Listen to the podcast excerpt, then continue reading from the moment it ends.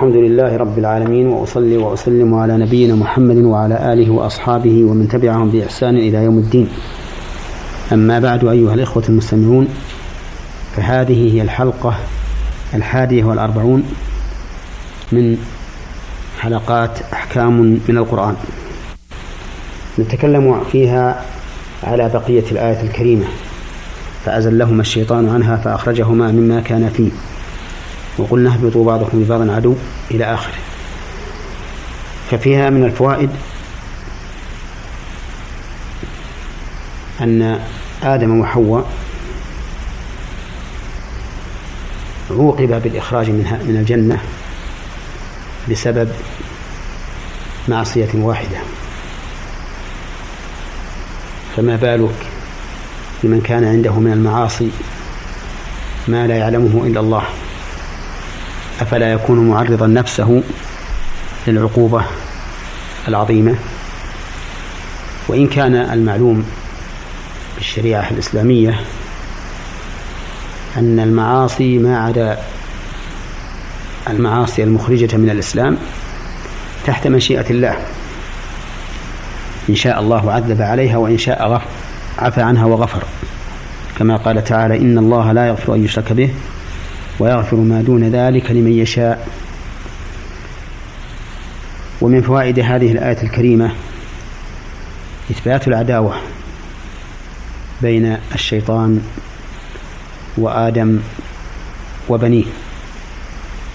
لقوله تعالى بعضكم لبعض عدو. ويتفرع على هذه الفائدة أنه يجب على الإنسان أن يحترز غاية الاحتراز من كيد الشيطان. وأن لا يخنع له ولا يأتمر بأمره. لأنه عدو. وكل عدو للإنسان فإنه لن يحمله إلا على أسوأ الحالات. ولهذا حذرنا الله تعالى من الشيطان بقوله إن الشيطان لكم عدو. فاتخذوه عدوا. إنما يدعو حزبه ليكونوا من أصحاب السعير. وبقوله تعالى يا أيها الذين آمنوا لا تتبعوا خطوات الشيطان. ومن يتبع خطوات الشيطان فإنه يأمر بالفحشاء والمنكر.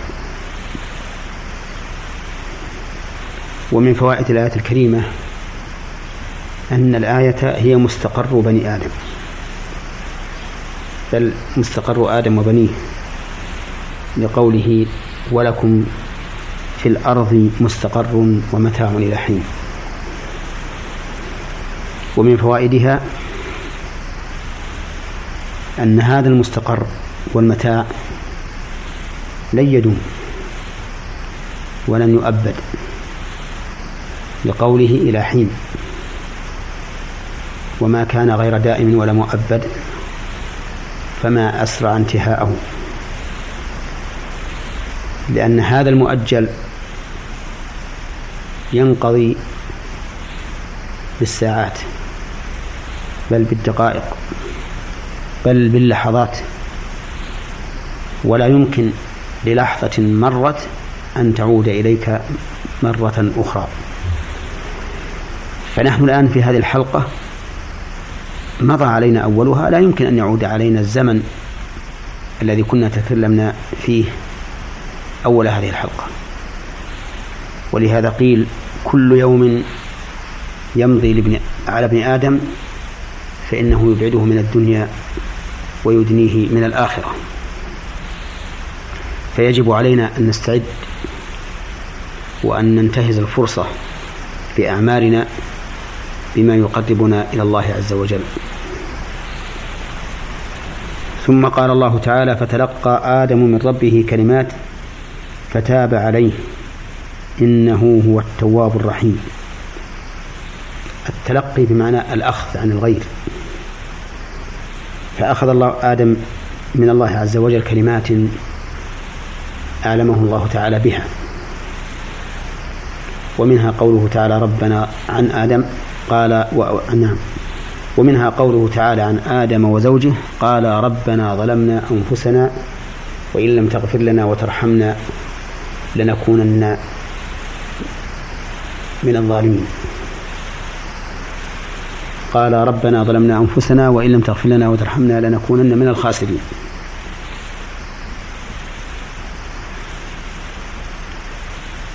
ثم قال فتاب عليه أي تاب الله على آدم وكذلك على زوجه لأن قضيتهما واحدة.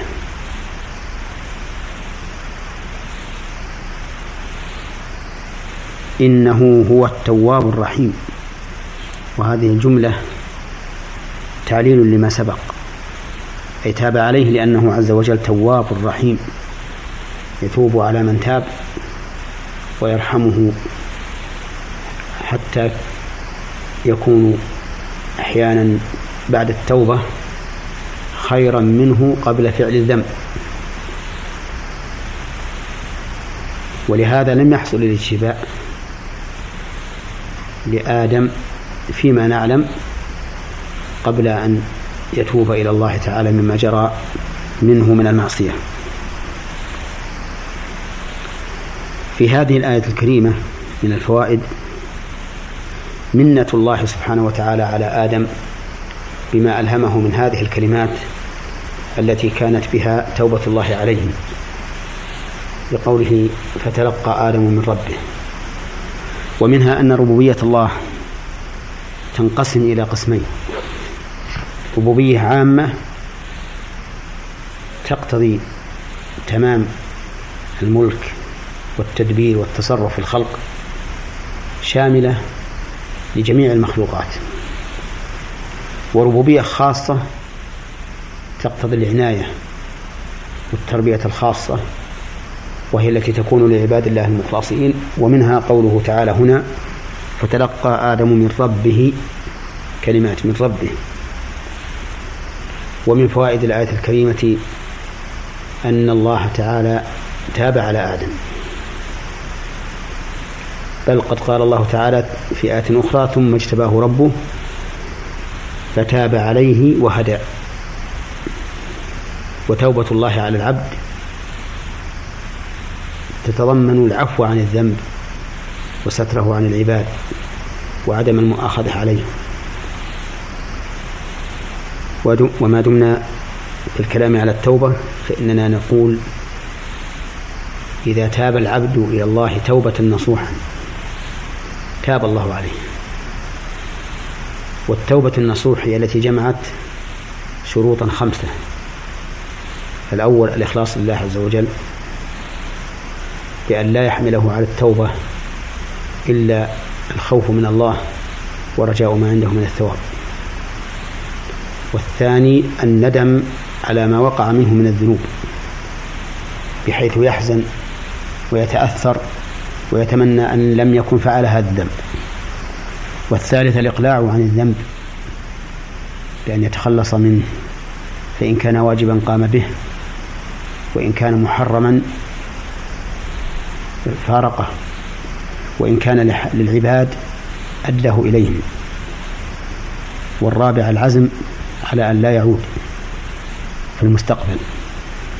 والخامس أن تكون التوبة في الوقت الذي تقبل فيه.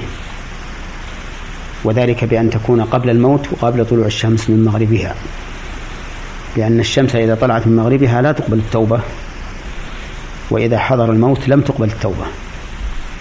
لقول الله تعالى وليست التوبة للذين يعملون السيئات حتى إذا حضر أحدهم الموت قال إني تبت الآن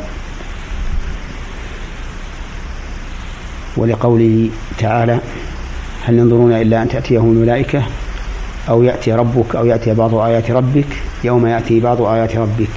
لا ينفع نفسا إيمانها لم تكن آمنت من قبل أو كسبت في إيمانها خيرا وبعض الآيات هي طلوع الشمس من مغربها كما فسر ذلك كما فسرها بذلك النبي صلى الله عليه وسلم. نسأل الله تعالى أن يمن علينا بالتوبة وقبولها إنه جواد كريم وإلى حلقة قادمة إن شاء الله.